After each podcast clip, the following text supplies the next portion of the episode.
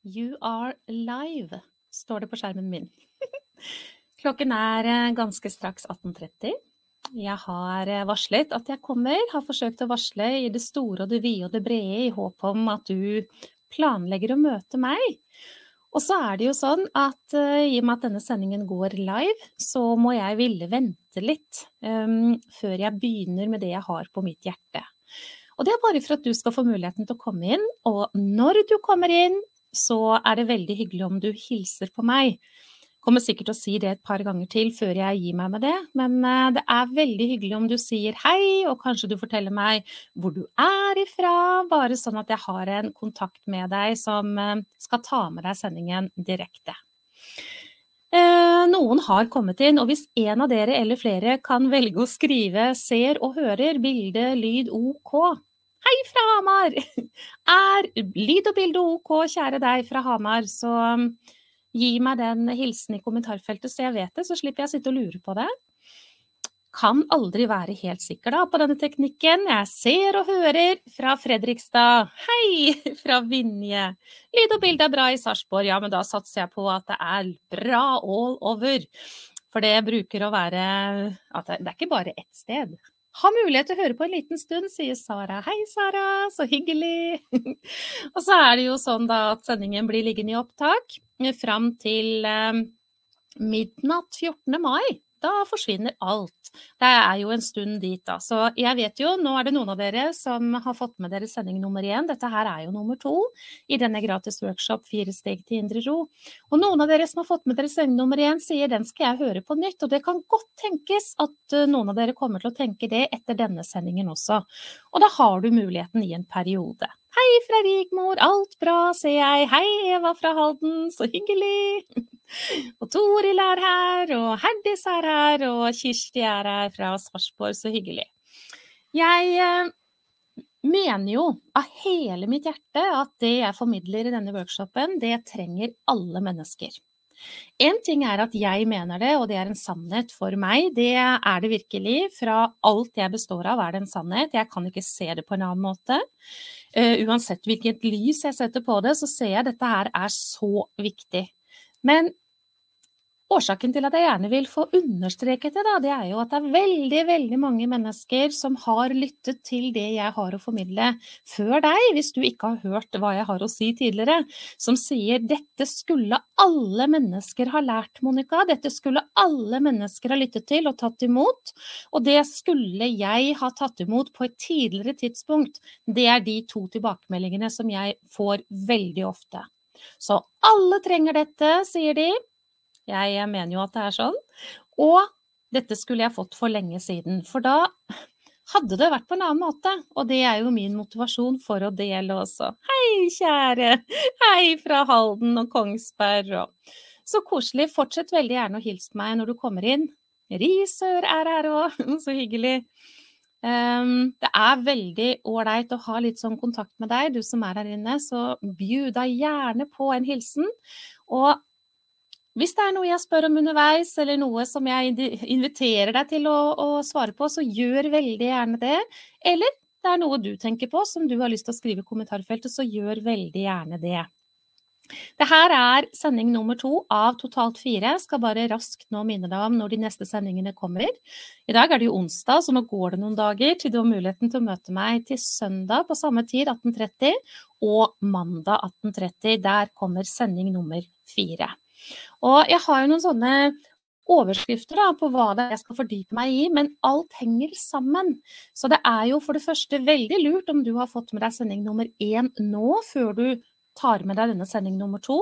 Og det samme når vi kommer til søndag og du kan ta imot sending nummer tre, hvilket jeg håper at du gjør, at du har fått med deg nummer én og to. Fordi det er en tråd igjennom her.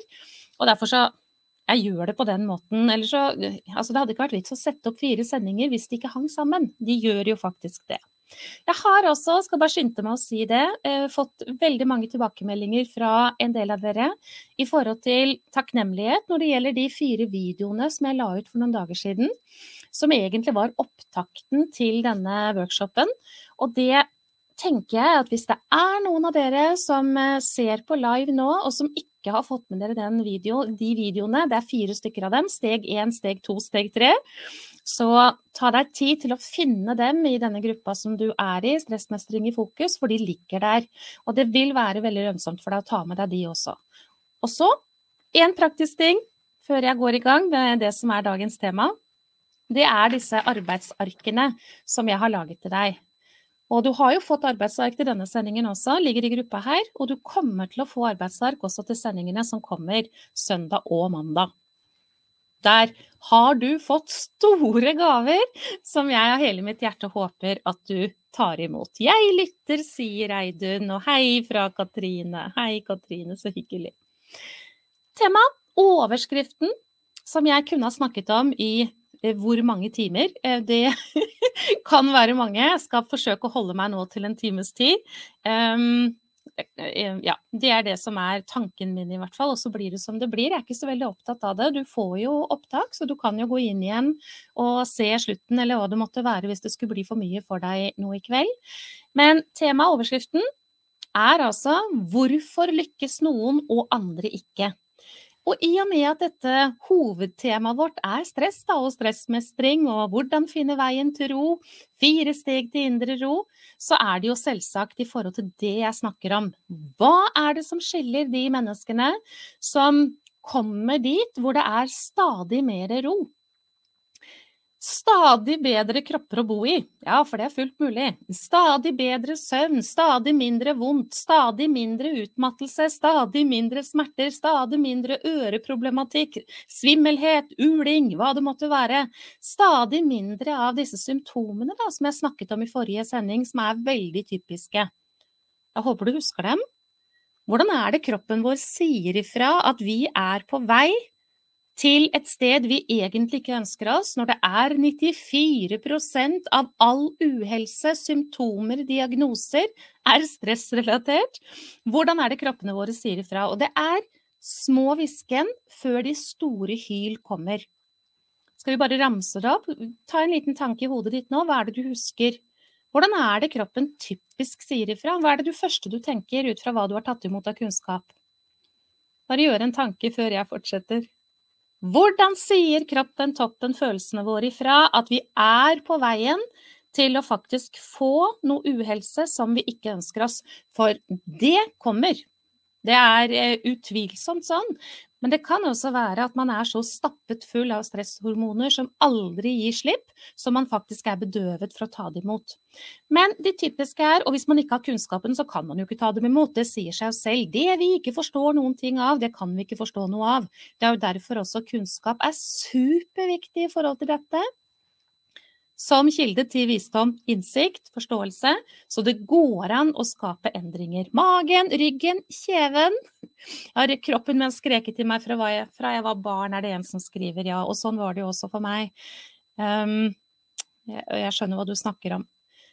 Magen sier ifra, ryggen sier ifra, nakken sier ifra, kjeven sier ifra, det skrives i kommentarfeltet. Ja, det er ganske typisk. Altså smerter, smerter i magen, veldig typisk. Og der har vi jo barna våre også, da. Veldig mange barn går jo rundt og har smerter i magen og forsøker å si noe om det òg. Da skal vi tenke med en gang at det barnet der kan veldig gjerne meget sannsynlig ha for stor mengde stress. Men det er ikke det vi tenker. Vi går til legen og så vil vi ha utredelse av den magen. Men du må jo være klar over at det meste av fordøyelsesplager og sykdommer er også stressrelatert. Det er ikke sikkert du vil høre det jeg sa nå, men det er faktisk sant, da. Um, stram muskulatur, sier Camilla. Ja, helt typisk. Så det er altså smerter som følge av stramme muskler, fordi noradrenalinet, som er et av de tre stresshormonene, sørger for at alle kroppens muskler spenner seg. Og når vi ikke klarer å få skrudd av stresshormonet tilstrekkelig, vi har ikke balanse i denne galskapen, så kan det bli sittende fast. Og det er helt typisk at smerter som vi først kjenner, det er oppi her. Altså hals, nakke, kjeve. Veldig typisk oppi der. Skuldrene, noen får smerter i bena også som første instans. Det er ikke så vanlig, men det kan skje. Ryggen, helt typisk.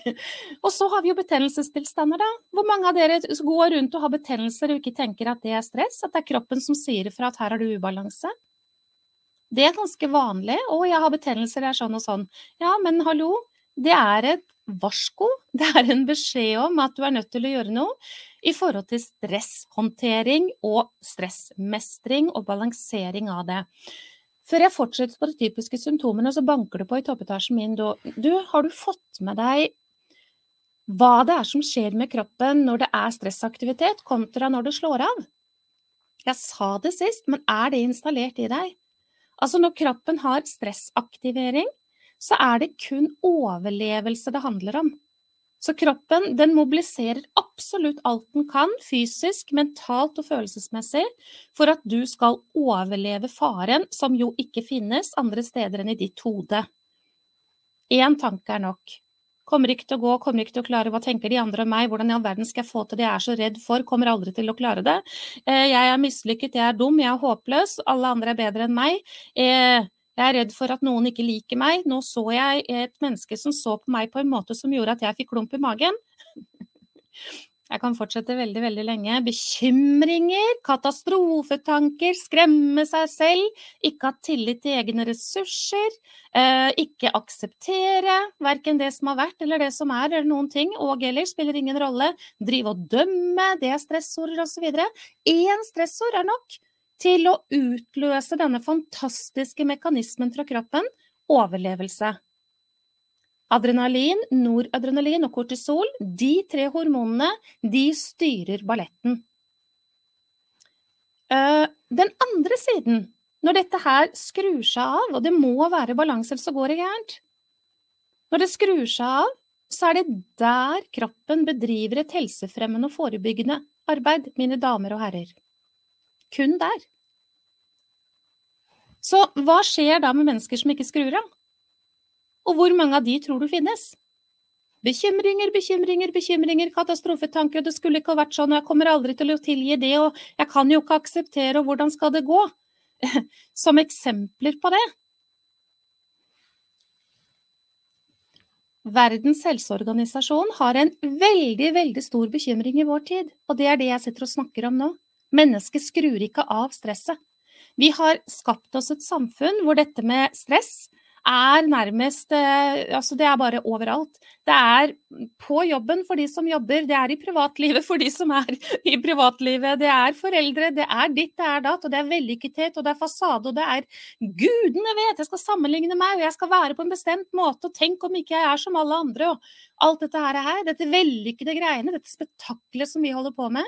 Vi er faktisk ikke skapt, vi, for å klare det samfunnet som vi har skapt relatert til det jeg sitter og snakker om. Det går ikke, og det er jo ikke rart vi blir syke av stress, for det er det vi blir. 94% av all uhelse er stressrelatert. Og det ligger i den forklaringen som jeg fortalte deg nå. Syns du jeg er rampete når jeg er så tydelig? Kunne jo hende du syntes det. Syns du det er rampete? Det her er sannheten. Og det er det her vi trenger å forholde oss til. Vi trenger å forstå dette, og vi trenger å vite hva skal jeg gjøre med dette. Apropos hvem lykkes, hvem lykkes ikke. De som lykkes, de får jo gjort noe med årsaken. De som ikke lykkes, de gjør ingenting med årsaken. og Jeg skal komme dyp på det der. Men hva var disse typiske symptomene? Jo, det er jo da, som jeg sa, smerter, fordøyelse, mageplager, søvnutfordringer, det er eh, diverse andre diagnoser, angst f.eks. Høyt blodtrykk, lavt stoffskifte er veldig ofte typisk også stressrelatert. Er ikke det legen sier til deg, men det er bare det at når de stresshormonene har rangen, adrenalin, noradrenalin og kortisol, så blir hele ditt hormonsystem ellers nedprioritert når det er overlevelse som gjelder. Jeg Er ikke veldig opptatt av verken sexdrift eller eh, stoffskifte i overlevelsens natur. Alt henger sammen. Og så er det sårbarhet, nærtagenhet, sinne, irritasjon, frustrasjon, håpløshet, utålmodighet. Og det er også, hvilket jeg glemte å si på mandag, hukommelse og konsentrasjonsutfordringer ligger relatert til dette jeg snakker om. Og det er forklarbart ut fra følgende. Kortisol, som er et av de tre stresshormonene, brenner ut området i hjernen når dette får lov til å være vedvarende utskillelse i for stor grad i for lang tid. Derav dette navnet utbrenthet. Og mange av dere som er her inne nå, dere er til min store fortvilelse. Det er nesten så jeg tenker hvorfor gidder jeg å bruke masse av min tid til å fortelle nå kommer disse viktige sendingene? Dere er 31 inne av 4500. Hva skal vi gjøre med det her? Bank, bank. Hallo i luken. Det er jo ikke liv laga, vet du. Får jo ikke snakket med mennesker som trenger dette her. Men jeg gjør noe mitt, da. OK. Hvor mange av dere som er her nå? 32 inne akkurat nå. Kom en til. Hvor mange av dere kan kjenne dere igjen i noe av det jeg snakket om, f.eks. det siste, utfordringer med hukommelse og eller konsentrasjon? Jeg kan bare svare i kommentarfeltet veldig gjerne. Gjør det. Jeg kan fortelle deg at den siste tiden som jeg var på jobb som sykepleier, før denne store kollapsen, så var jeg sykepleier med gule lapper og liten notisbok, sånn oransje, vet du.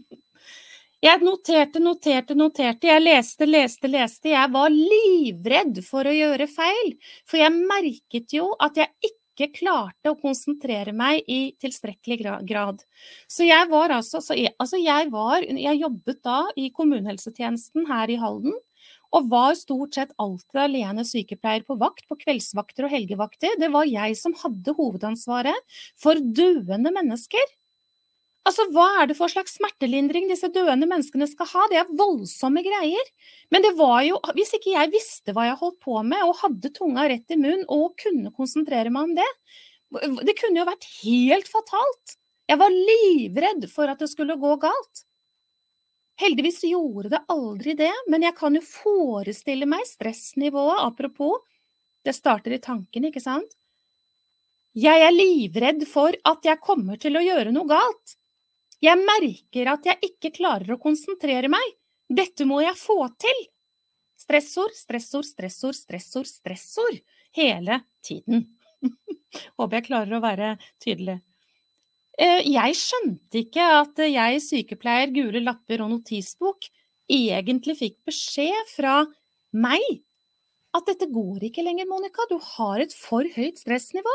Det er din modell av verden, det er hvordan du tilnærmer deg det som foregår, har vært, og i det hele tatt, som gjør at dette stressnivået ditt er himmelhøyt. Trodde alltid jeg var dum fordi jeg klarte ikke å huske navnet til kundene mine, ja, kjære deg. Nettopp, og du har aldri vært dum, kjære venn. Vet ikke hvem du er, men det skal du vite. Ja, ok. Så vi bor altså i fantastiske kropper. Det var der jeg stoppet etter forrige sending også, hvis ikke jeg husker feil nå. Apropos. Har ganske god hukommelse i nåtid, altså, det må jeg jo bare si. Men jeg kan jo merke at hukommelsen min får seg en sånn liten Du, hallo. Hvis det er mye, og da vet jeg ok, nå skal jeg justere. Eller jeg får en annen beskjed. Og det får vi faktisk. I dag har jeg tre av fire ark med 'må gjøre'. Oi, oi, oi, oi, oi. Stress, stress, stress.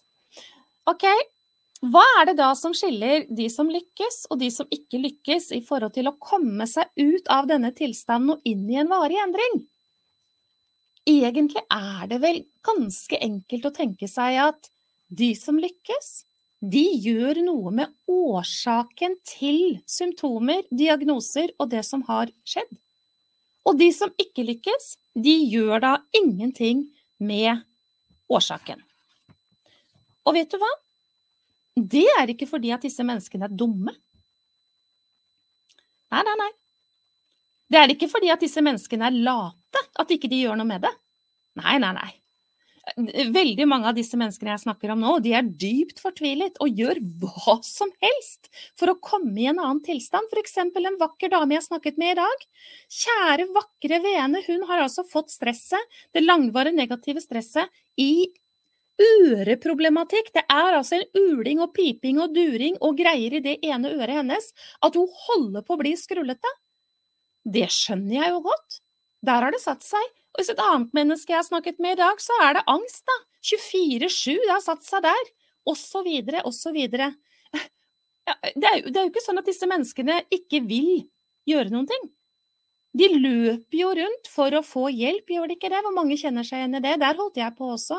Jeg nevnte til deg at jeg ble sendt til en fysioterapeut da, første gang da jeg var tolv år, med voldsomme smerter i nakke. Etter hvert så ble det jo ryggen, og så ble det jo ditt og datt, og så ble det ditt og datt. Og jeg har prøvd alt. Jeg har desperat lett etter hjelp.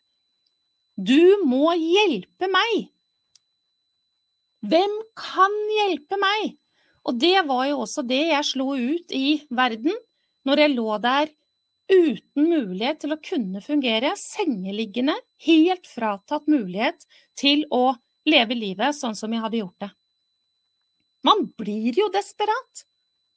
Det er jo, det er jo ingen som ikke Altså, det er jo ingen av oss som bare sitter Ja, ja, men da, da får jeg gi opp. Da vi gjør ikke det i første instans. Det kan hende vi kommer dit da, og vi tenker at ingenting fungerer for meg. Ingenting. Jeg har prøvd alt. De har jeg møtt òg. Hva var det som skjedde etter en stund, da? Det ble på en annen måte, vet du. Vet du, jeg hadde en samtale i dag jeg, med en av dere som er her inne nå, for jeg har sett deg i kommentarfeltet. Nå er dere 32 akkurat inne nå, så jeg kan si det. For det er ingen av dere som vet hvem de, de andre er, så jeg skal ikke si navn, vet du, for jeg overholder selvsagt taushetsplikt. Men jeg har snakket med en av dere i dag.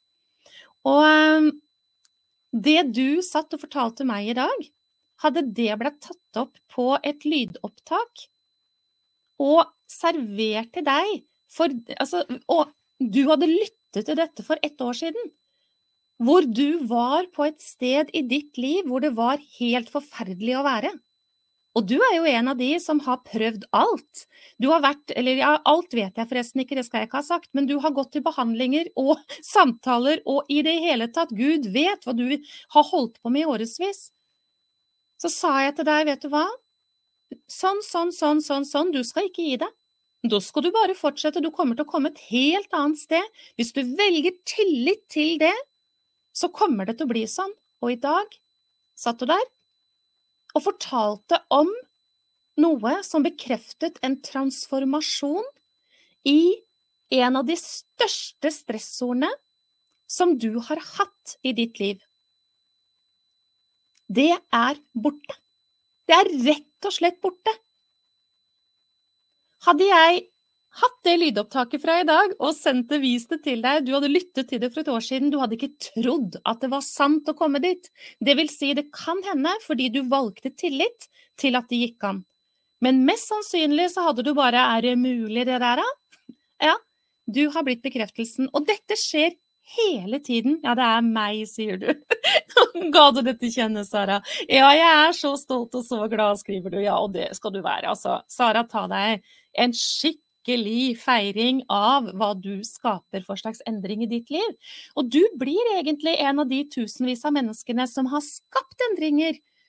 For hvorfor da? Jo, du har gjort noe med årsaken til situasjonen.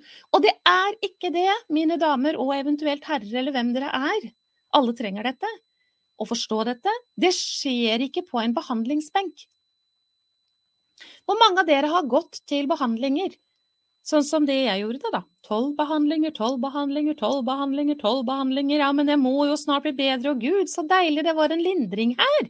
Hvor lenge varte det? Hvor mange av dere har den type erfaring? Det er jo veldig mange behandlere som lever godt av dette, for vi tror jo at vi må ha disse behandlingene for å klare hverdagen vår. Vet du hva? Vi gjør ikke noe med årsaken. Det er jo klart vi må ha behandlinger da, når vi ikke endrer det som er årsaken til det vi holder på med. Det sier seg sjøl, gjør det ikke det, da? Hadde den fysioterapeuten, med all respekt Det finnes altså mennesker, behandlere osv., de jobber med sine fag på nydelige måter. Det er ikke det det handler om. Men det er ikke dette helhetlige perspektivet, og går ikke til kjernen for endring. Det er det jeg vil ha fram. Med mindre du har eh, brukket brukket et eller annet, da du har falt på isen, ikke sant, og så brakk du håndleddet, og så må du ha en eller annen hjelp i forbindelse med det. Det er et annet, det er, det er ikke det jeg snakker om, jeg snakker om dette andre, ikke sant. Disse symptomene på langvarig negativ stress. Faktisk 94% av alle sykdommer da er stressrelaterte. Det er det jeg snakker om. Men hvis denne nydelige, som helt sikkert var, fysioterapeuten som møtte meg da jeg var tolv år, og kom med plagene mine, hadde spurt meg hvordan er det med deg egentlig, Monica? Hvordan har du det? Hvordan er det å være deg?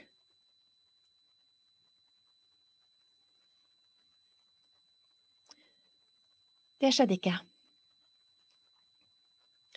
hadde det skjedd, så hadde jeg kunnet fortelle jeg har det kjempevanskelig. Pappaen min døde for et halvt år siden, og det er ingen som vil snakke om det.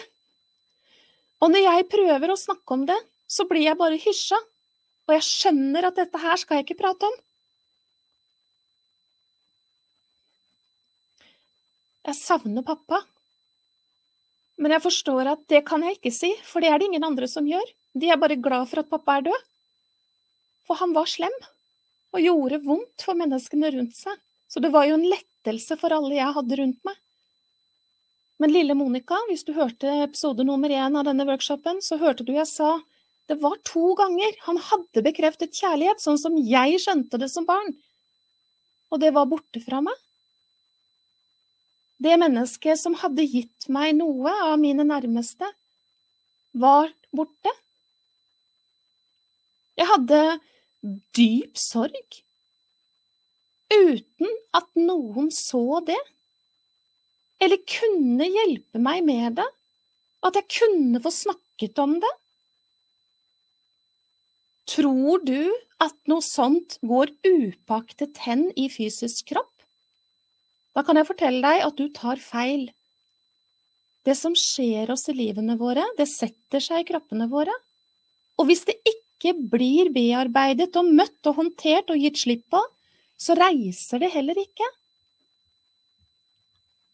Fysioterapeuten han tok meg vel imot og la varmebehandlinger og massasje og ordna litt på dette her nakkestyret, da. Det var jo godt. Varme er godt, og massasje er godt, og Men hva var det jeg tenkte, da?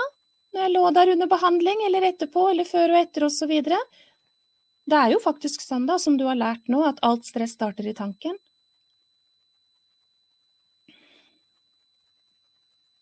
Jeg håper jeg klarer å gjøre meg forstått. Det der ga aldri slipp aldri ga det slipp inntil jeg kom dit hvor jeg kunne håndtere det og gi det slipp. For det finnes muligheter for det. Og når jeg gjorde det, så ga jo kroppen min slipp. Altså, vet du hva, jeg var så hellig overbevist om jeg, at jeg aldri kom til å være smertefri. Mitt liv var fullt av smerte, og det var bare sånn det var. Og jeg var den som ble prestasjonsprinsessa og people-pleaseren og i det hele tatt. Jeg jobba ved siden av skolen fra jeg var 13 år, for mamma hun fikk mer enn nok med seg, egentlig. Og økonomien var vanskelig, og jeg måtte, skulle jeg klare meg med kanskje noe klær og sånn, da, så måtte jeg jobbe. Og det er ikke det at jeg er lei meg for det, overhodet ikke. Jeg sto på. Flink jente. Fikk jo høre det òg, ikke sant, at fy søren, du står på, du er flink. Det er jo sånne jenter liker vi! Som virkelig tar i et tak, og som står på. Flink. Gjøre, gjøre, gjøre. Ja, men smerter og vonde følelser, angst uten å forstå at det var angst, det gjorde jeg ikke på mange, mange, mange, mange år. Det var også til stede, men det var det ingen som så. Fordi jeg ga ikke det til kjenne. Jeg skulle stå på, og det var det jeg gjorde. Og dette med å forsøke å finne trygghet noe sted, da, som jeg også snakket om litt i forrige sending, alle disse her trygghetssøkende greiene vi driver med, blir likt, tilhøre, tilpasse oss, gå på tå og hev, kontrollere, være altså konfliktsky, prestere, perfeksjonere osv. osv. Alt det der. Det som ligger liksom under og gjør at vi holder på sånn, det er tanker, og de er stressorder. Det vil altså si at hvis man har fått uhelse som er stressrelatert, så kan man jo ikke bli kvitt det ved en operasjon. For det som har ledet mennesket til å få denne uhelsen, er jo faktisk i tankene og måten å møte tanker på, følelser på osv. osv. Det går jo ikke. Og nå må ikke du, kjære deg som kommer til å få med deg denne sendingen, jeg håper jo det er tusenvis i opptak, da. Ja, det håper jeg virkelig. Du må ikke forledes til å tro at jeg sitter her og sier at det er noe galt med hodet ditt. Ikke gå i den fella, er du snill. Ikke gjør det. For det er ikke det det handler om. Det er ikke noe galt med ditt hode. Det er bare det at du har en del troer og forestillinger og overbevisninger i din modell av verden som er faktisk tuftet fra hendelser og erfaringer i ditt liv, som ikke gagner deg, men derimot er stressorder. Og det er ikke sikkert du forstår det. Men jeg håper jo at noe av det jeg har sagt nå, kan gjøre det tydeligere. Jeg forstår godt hva du mener, og kunne gi slipp er godt, sier Eidun. Ja, og det er den eneste muligheten vi har, og uten verktøy for å kunne gjøre det, har vi ingen sjans. Jeg har lyst til å tillegge, altså tanke og følelse henger jo sammen. Og vi mennesker, vi har noen fantastiske mekanismer. Det er som jeg sier, mennesket er fantastisk. Du er fantastisk! Så når jeg sier at du er fantastisk, så mener jeg det av hele mitt hjerte. Du er så fantastisk du, at du har en mekanisme i deg som gjør at du er eh, eh, Altså, du har en sånn hjelp til å ikke eh, forholde deg til vonde følelser.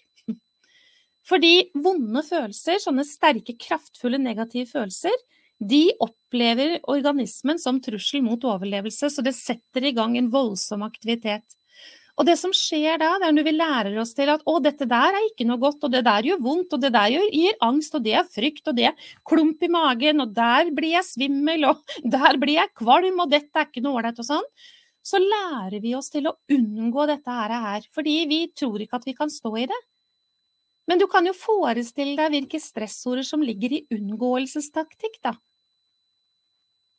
De er voldsomme, og det har du ikke kontakt med, kanskje, i det hele tatt. Jeg har eh, lyst til å stille deg noen spørsmål, bare sånn for at du skal få være med litt ekstra i workshopen, i og med at jeg kaller det en workshop. Men før jeg gjør det, så skal jeg ta en slurk av teen min. Hm, det så ut som at teposen hadde revna, men det hadde den ikke. Hvis jeg nå stiller deg dette spørsmålet, hva er det da som gjør at noen mennesker finner veien ut av smerter, utmattelse, angst og annen ubalanse, og andre ikke? Hva av det jeg har sagt til nå, har du kunnet ta med deg som gjør at du gryer en forståelse? Hvorfor kom jeg ut av smerter? Hvorfor kom jeg ut av angst, depresjon, søvnutfordringer, fibromyalgi, kroniske lidelser? Hvorfor kom jeg ut av det? Jeg trodde jo at jeg aldri skulle komme ut av det, inntil jeg skjønte at sånn kunne jeg jo ikke tenke. Jeg kommer aldri ut av dette! Hører du hvilken stressord det er? Den er voldsom. Kan ikke finne på å gå rundt og forholde seg til sånne type tanker. Å, hallo! Sier du det, du, min apekatt i hodet? Watch me! Jeg skal finne veien. Jeg er helt enig i at dette er utfordrende, men jeg skal finne veien ut. Bare vent og se. Det kan jo være en god start. Det er ikke nok, men det er med på veien. Hvorfor kom jeg ut av dette? For å si det sånn, det som skulle til, lærte jeg ikke da jeg utdannet meg til å bli sykepleier. Det er ganske fascinerende å tenke på. Jeg forsto ikke det da. Jeg lærte det heller ikke når jeg studerte psykologi. Det som skulle til. Du kan gjerne si det sånn at det ligger forståelse i disse fagene. Hva er det som skjer? Stressaktivitet bryter ned kroppen, bygger opp kroppen. Ok, det kommer fra sånn og sånn. Det er hormoner som gjør sånn og sånn, sånn som jeg har snakket med deg om nå, ikke sant? Dette er jo kunnskap som alle kan tilegne seg. Men jeg, jeg kommer jo ikke ut av problematikken ved å forstå de tingene. Nei, jeg er altså nødt til å lære meg til å møte tanker og følelser på en annen måte for å få ned stresset. Da begynner det å skje ting. I og med at det er stresset som er problemet. Man må bli bevisst og få kunnskapen, skriver noen. Ville velge å gi seg selv kunnskapen og faktisk gjøre jobben for å endre. Det er helt riktig. Og det er helt forferdelig å være vitne til hvor mange mennesker som ikke vil ta det arbeidet, fordi de styres av f.eks. tanken 'det kommer aldri til å gå', jeg har prøvd så mye før, det kommer ikke til å funke for meg. Altså, hallo i luken, det er rene gale, Mathias. Det er apekatter, apekatter, apekatter, apekatter. Det er faktisk mulig å få det til. Ok, Jeg skal ta deg med inn i noen eh, spørsmål til. Hvorfor er det sånn at i en situasjon hvor det er flere mennesker til stede, la oss si det er en gruppe på seks-syv eller noe sånt, og så er det ett menneske i den gruppa som begynner å himle med øynene. Hvorfor er det da sånn at én i den gruppa sitter og føler på 'Å, herregud, jeg er dum', mens de andre, eller en annen, bare for å holde oss veldig, veldig lite eller til få mennesker, ikke kunne finne på å bry seg om den himlinga i det hele tatt? Hvorfor er det altså sånn at én får en uro, og en annen ikke får det? Hva tenker du om det? For dette er jo sannheten. Eller en gruppe mennesker. Ett menneske hever stemmen som om det skulle være kjefting som foregår.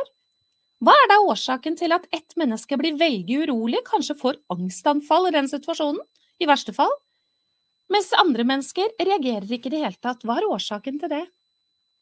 For dette er jo det som foregår der ute.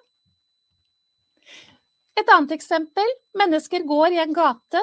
Så ser man kanskje tre gutter som driver liksom og knuffer litt, og det er litt høye stemmer og sånn. Og så er det den ene av de to som ser dette, begynner med en gang. Ja, men herregud, dette er jo mobbing, og dette er jo nå, Hva gjør vi nå? Her skjer det noe. Mens den andre bare sier, du, vet du hva, sånn holder gutter på i den alderen, nå må du roe deg ned. Hvorfor er det sånn? Selvfølelsen. Helt riktig. forskjellige opplevelser i barndom, utrygghet. Helt riktig. Bra og dårlig selvfølelse. Dere kan mye, dere mine fine elever. Jeg kjenner jo igjen navna på dere. Tidligere traumatiske opplevelser påvirker hvordan vi reagerer. Akkurat sånn er det. Det påvirker absolutt alle våre tanker, følelser, hele tiden. Selvfølelse, selvfølelse, lav selvfølelse. Tidligere opplevelse setter ting i sammenheng med tidligere erfaringer, erfaringer fra barndommen. Yes! Så enkelt så kan vi jo si det sånn at vi hele tiden responderer ut fra hva vi allerede rommer. Og det er det vi gjør. Det er akkurat sånn det er. Så hvis ikke vi gjør noe med det kartet, da Hvis ikke vi gjør noe med kilden til våre forestillinger, våre troer, overbevisninger, hvordan vi reagerer på hva det er som foregår i oss, hvordan skal vi da få til en endring? Fordi den som reagerer på den kjeftinga, vet du, det er jo et menneske som får en skikkelig oppskrudd stressaktivitet. Og de andre der som ikke reagerer på det, da tolker ikke den stemmen som kjefting engang. Ja, ja, det er den stemmen, liksom. Ikke noe greier med det. Har jo ikke noe stress i den situasjonen. Med mindre det mennesket sitter og tenker på bekymringer, da, for da har de jo allikevel. Men ikke relatert til den stemmen. Sånn er det hele tiden, og jeg bruker å si veldig enkelt at det er vår modell av verden, og som mange av dere skrev selvfølelse, ja. Har man en lav selvfølelse, så har man veldig, veldig store mengder stressorder som er knyttet til den lave selvfølelsen. Og vi kunne jo bare ha tatt den kunnskapen sånn eh, kjapt også. Så du har på det rene i deg noe som er kjempeviktig, og det er forskjellen på selvfølelse og selvtillit. Selvtillit er troa på å kunne få til. Jeg kan. Dette gjør jeg, dette klarer jeg. Mens selvfølelse, det handler om jeg er verdifull, uten å gjøre. Jeg er god nok. Jeg har 100% verdi, enten du liker meg eller ikke. Og selvfølelse handler også om i hvor stor grad jeg er villig til å ta valg som bekrefter min verdi. Så hvis jeg eksempel har en elendig indre dialog, hvor er selvfølelsen min da? Den er lav. Hvis jeg eksempel går halve dagen og skremmer vettet av meg selv for alt hva som ikke kommer til å bli, du vet vel at majoriteten av bekymringer, jeg tror det er helt opp mot 98% eller 96% eller noe sånt, det er høyt oppi der i hvert fall, blir aldri noe av. Eller hvis jeg går rundt og tror på måtte Gud forby janteloven, hva, hvordan står det til med selvfølelsen min da? Klarer du da å se ut fra de eksemplene at det er en stor mengde stressorder i tanke? Det er altså modellen av verden. Det er barnet som reagerer, ja, det er helt riktig, Lise. Vi må gjøre noe med de banene vi har lagd fra før. På en måte spole over og lage nye, gode baner for oss selv. Ja. Og egentlig så kunne jeg sluttet sendingen der, fordi det er, som dere skriver det, det rette svaret på dagens tema. Hvorfor lykkes noen, hvorfor lykkes ikke andre? Det ligger faktisk her. Mennesker som ikke tar det arbeidet, som ikke vil forstå denne helheten av mennesket. At det starter i tanke, møte i følelse. Hvordan håndterer jeg dette i meg? At det er der årsaken til belastningen som stresset, langvarig negativ stress er, og nedbrytelse av kropp, sinn, følelser. Eh, hele altet. De som ikke vil forholde seg til det, ja, de Hva gjør de? Ja, De um, Mange av dem bare eksisterer. De fratar seg selv muligheten til å leve livet. Sånn har det blitt å være meg, det er ingenting som hjelper, kommer aldri til å bli. Jeg har prøvd alt, jeg. Prøvd alt. Jeg kunne ha kommet med mange eksempler. Jeg hadde ganske mange i hodet mitt, men jeg ser at dere har forstått. Og det er nok mange av mine elever som er her inne nå, og jeg syns jo det er fascinerende i seg selv, da. At dere som tar imot og gjør bruk av og skaper endringer, bruker av deres tid til å høre på disse sendingene fordi dere får så mye ut av det. Mens hvor er alle de andre? Jeg elsker at dere legger igjen kommentarer, kjære alle sammen. Tusen hjertelig takk. La oss håpe at det finnes mennesker som kommer til å lese dette her i opptak. Det håper jeg. Det håper jeg av hele mitt hjerte. Ok. Et eksempel til da som ramler ned i hodet, som jeg tenker kan være greit å ta, som mange kanskje kjenner seg igjen i. Hvorfor er det sånn at noen mennesker må gjøre 100% må ha alt på stell. Det må være på en bestemt måte. Mens andre mennesker kan liksom si ja, men det er greit nok dette her nå. Nå er det sånn her, nå ble det sånn. Det er kanskje 80% men det var det jeg fikk til akkurat nå. Her også er vi inne i et stort stressordområde, som helt riktig, som mange av dere har svart, det handler om selvfølelse. det tar litt tid før man klarer å, å eh, få kontakt med det her, altså. Men eh, det er verdt å, å, lytte til det og begynne å grunne litt over hva det er jeg faktisk sier. For dette er kjempeviktig for oss alle sammen. Det handler om tanker, da. Da handler det om troer og forestillinger og overbevisninger. Og da lurer jeg på hvor kommer disse tankene dine fra?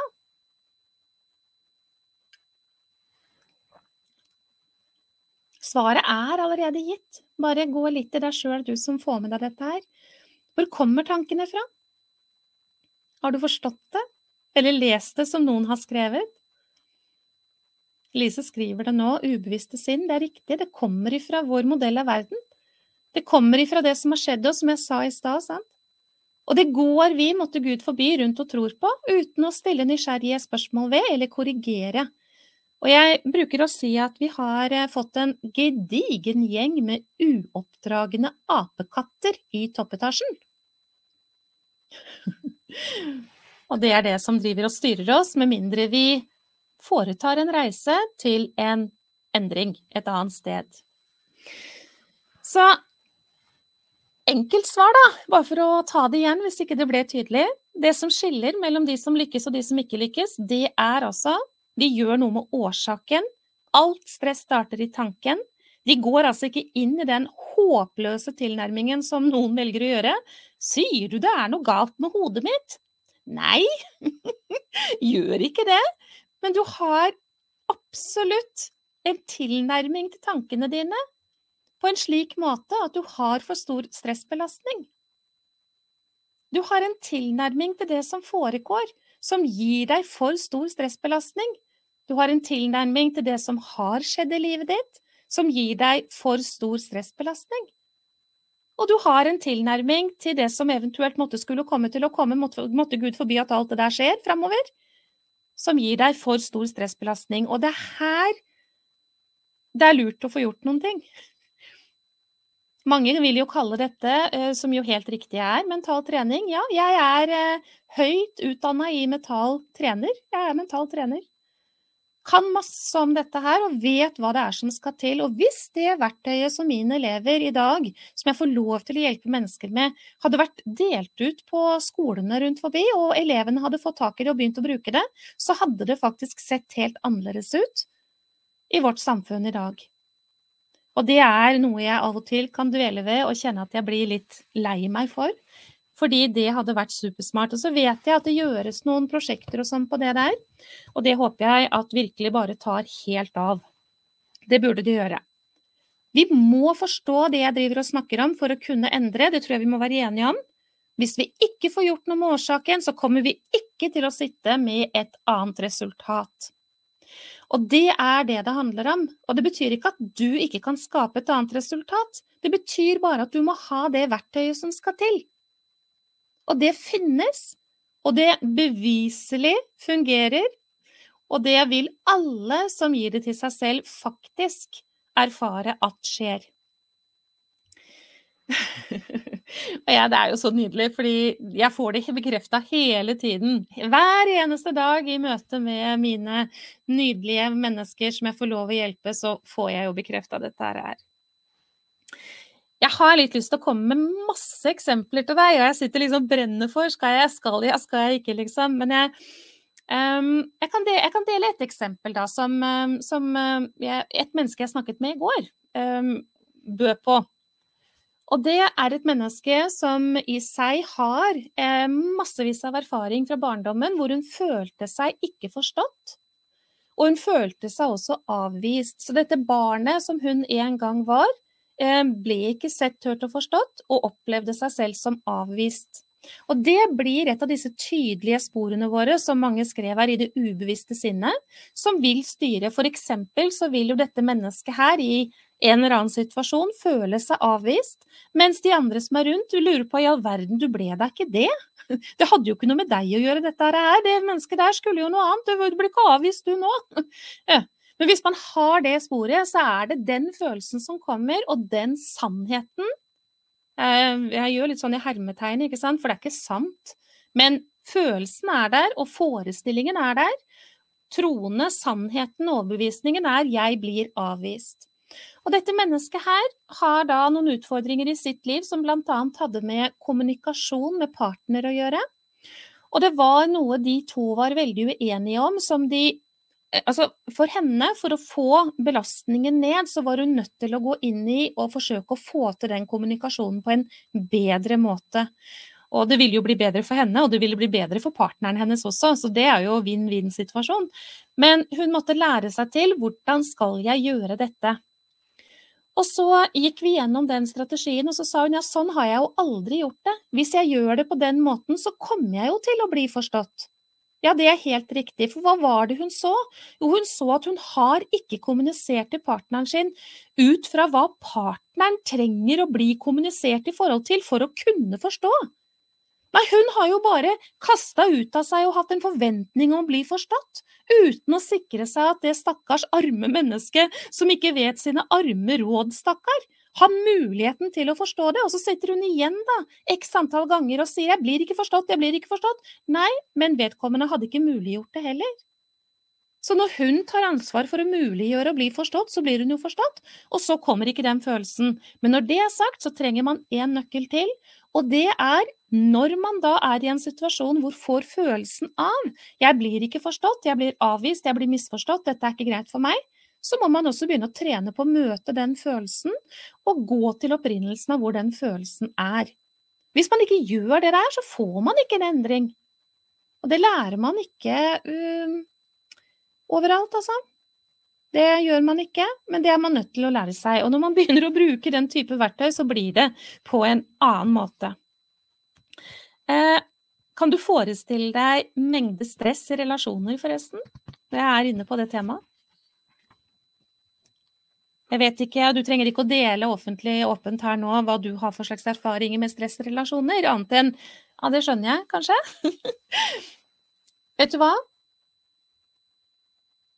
I ny tid Jeg er litt usikker på om det gjelder akkurat nå, for vi har så veldig mange andre stressorder også nå. Men høyt øverst på skalaen over hva som stresser mennesket absolutt mest, altså hva som er stressordene våre i størst grad, det ligger i relasjoner. Og det ligger da i utfordringer i relasjoner. Og dette trenger vi å se. Hvis vi er i relasjoner som er utfordrende for oss, og vi ikke klarer å få det der på plass, tror du det går upåakta hen i kroppene våre? Man blir syke av dårlige relasjoner. Har du tenkt på det noen gang? Hvorfor er det sånn?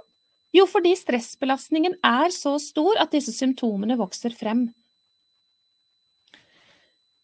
Jeg har veldig mye erfaring med spesielt kvinner, for det er flest kvinner jeg jobber med, som har diverse symptomer og kroniske diagnoser, og det er ikke måte på. Mange av dem de kan jo ikke jobbe lenger heller.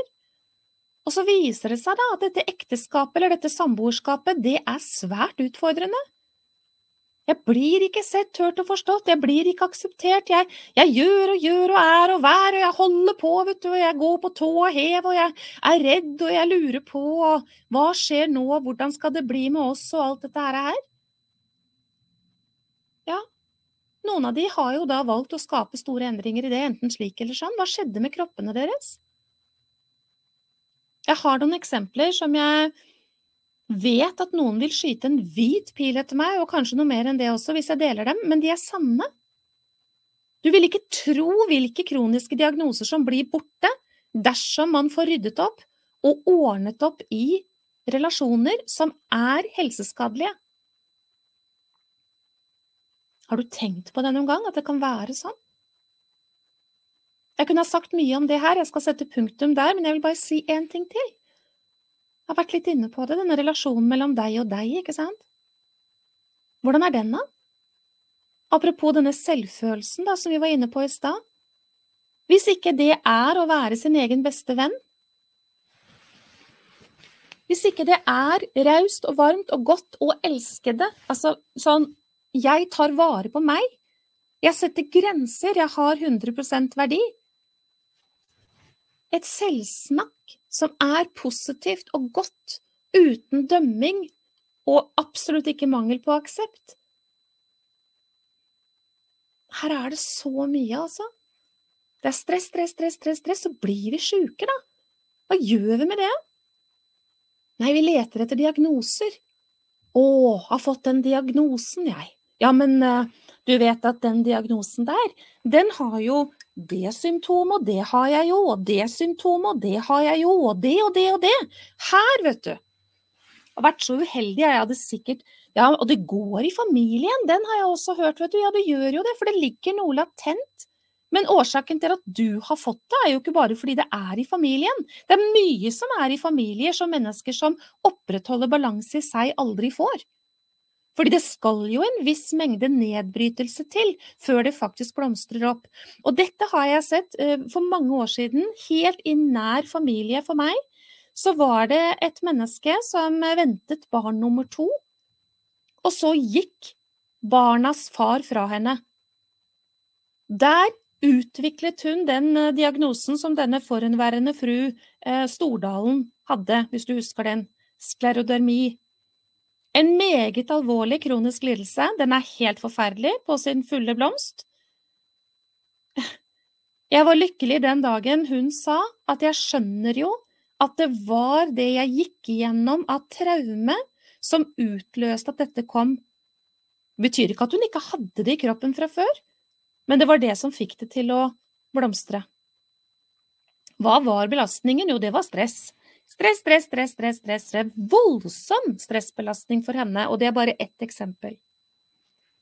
Vi er en helhet, vet du. Det vi har her, det har vi også her.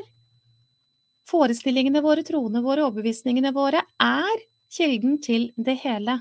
Og her er, som jeg sier det, forklaringen på hva det er som gjør forskjell på mennesker som kommer seg ut av både det ene og det andre som man ikke trodde man kunne komme ut av, og de som ikke gjør det.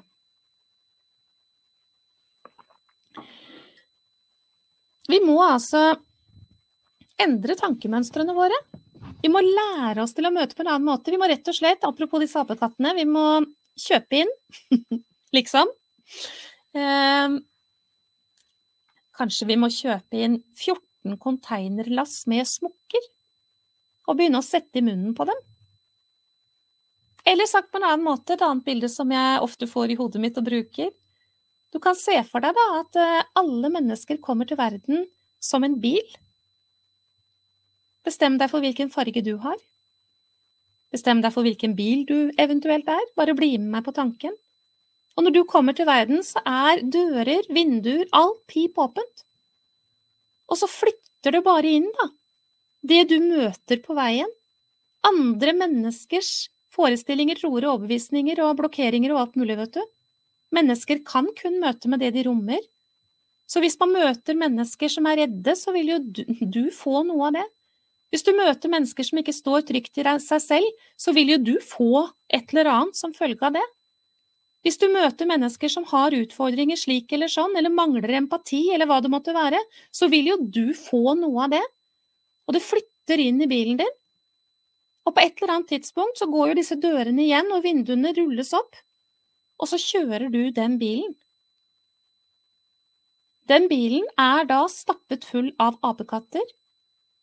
Du sitter i førersetet, prøver å holde på veien, det kommer følelser, det kommer tanker, det kommer masse greier, og du prøver å styre unna, og du lærer deg til både det ene og det andre av strategier for å kunne klare dette her, liksom, for å finne trygghet. Du kjører, håper at du skal få lov til å være trygg, da, og ha ro og glede og energi og bo i en best mulig kropp og alt dette her.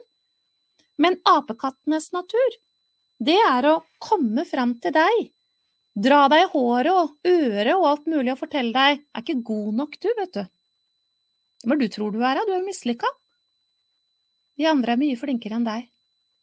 Du er ikke god nok. Tror du du skal få til det her? All verden. Ingen liker deg. Nå må du bevise. Du er ikke verd noen ting med mindre du holder alt i orden. Du må vaske hele huset hver dag, i verste fall. Du må bevise du må være enda flinkere enn flinkest.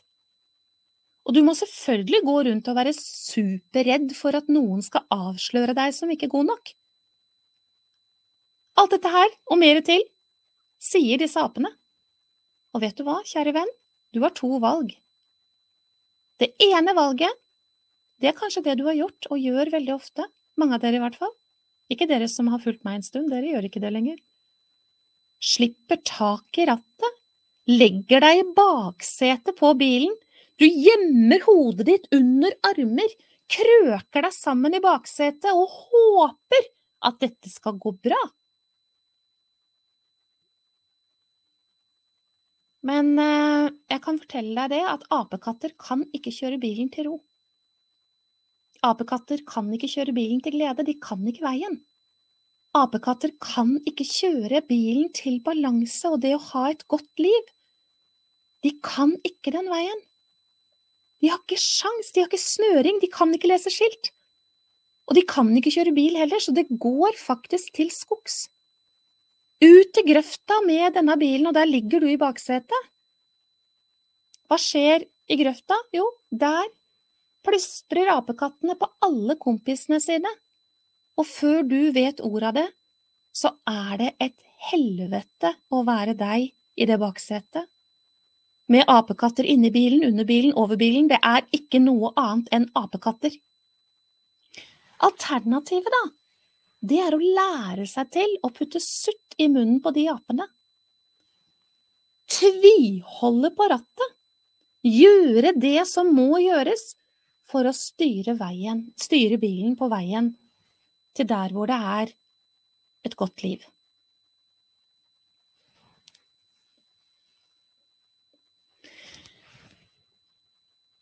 Jeg lå mye i det baksetet, i 39 år av mitt liv.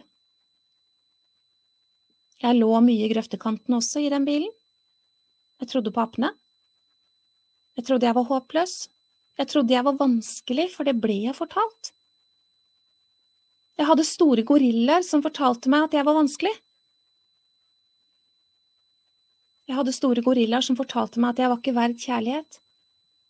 Det førte meg til å bli nærmest grenseløs på jakt etter kjærlighet. De må like meg. Men de liker meg ikke, jeg må bare gjøre mer. Jeg må bare gi mer, være mer, gjøre mer. Jeg må bare strekke meg, så kommer de kanskje til å like meg, de kommer aldri til å like deg. Ja, men kanskje kommer aldri til å like deg. Sånn foregikk det, for eksempel. Monica, tror du det er bra nok, det du holder på med? Det er ikke bra nok før det er telleskanter i alle skaper, Monica. Det er ikke bra nok før du lager treretters middag som er helt perfekt, og som alle bare sier Gud, så fantastisk mat, men som du, når det sies, tenker ha, det sier du bare for å være hyggelig. Tenk om noen skulle avsløre meg som ikke god nok mamma til dine, mine fem barn. Jeg var jo sikker på at det var jeg ikke. Jeg fikk jo det bekrefta i eget hode hele tiden, for jeg tolka jo alle signaler i den retning. Selvfølgelig, for det var jo min overbevisning. Jeg kan fortsette lenge. Jeg håper jeg klarer å gi deg konturene av noen ting nå. Det er det her det handler om. Det handler om å ta eierskap til hva som skal være gjeldende i eget liv, og styre bilen dit, men det klarer man ikke uten verktøy for å få det til.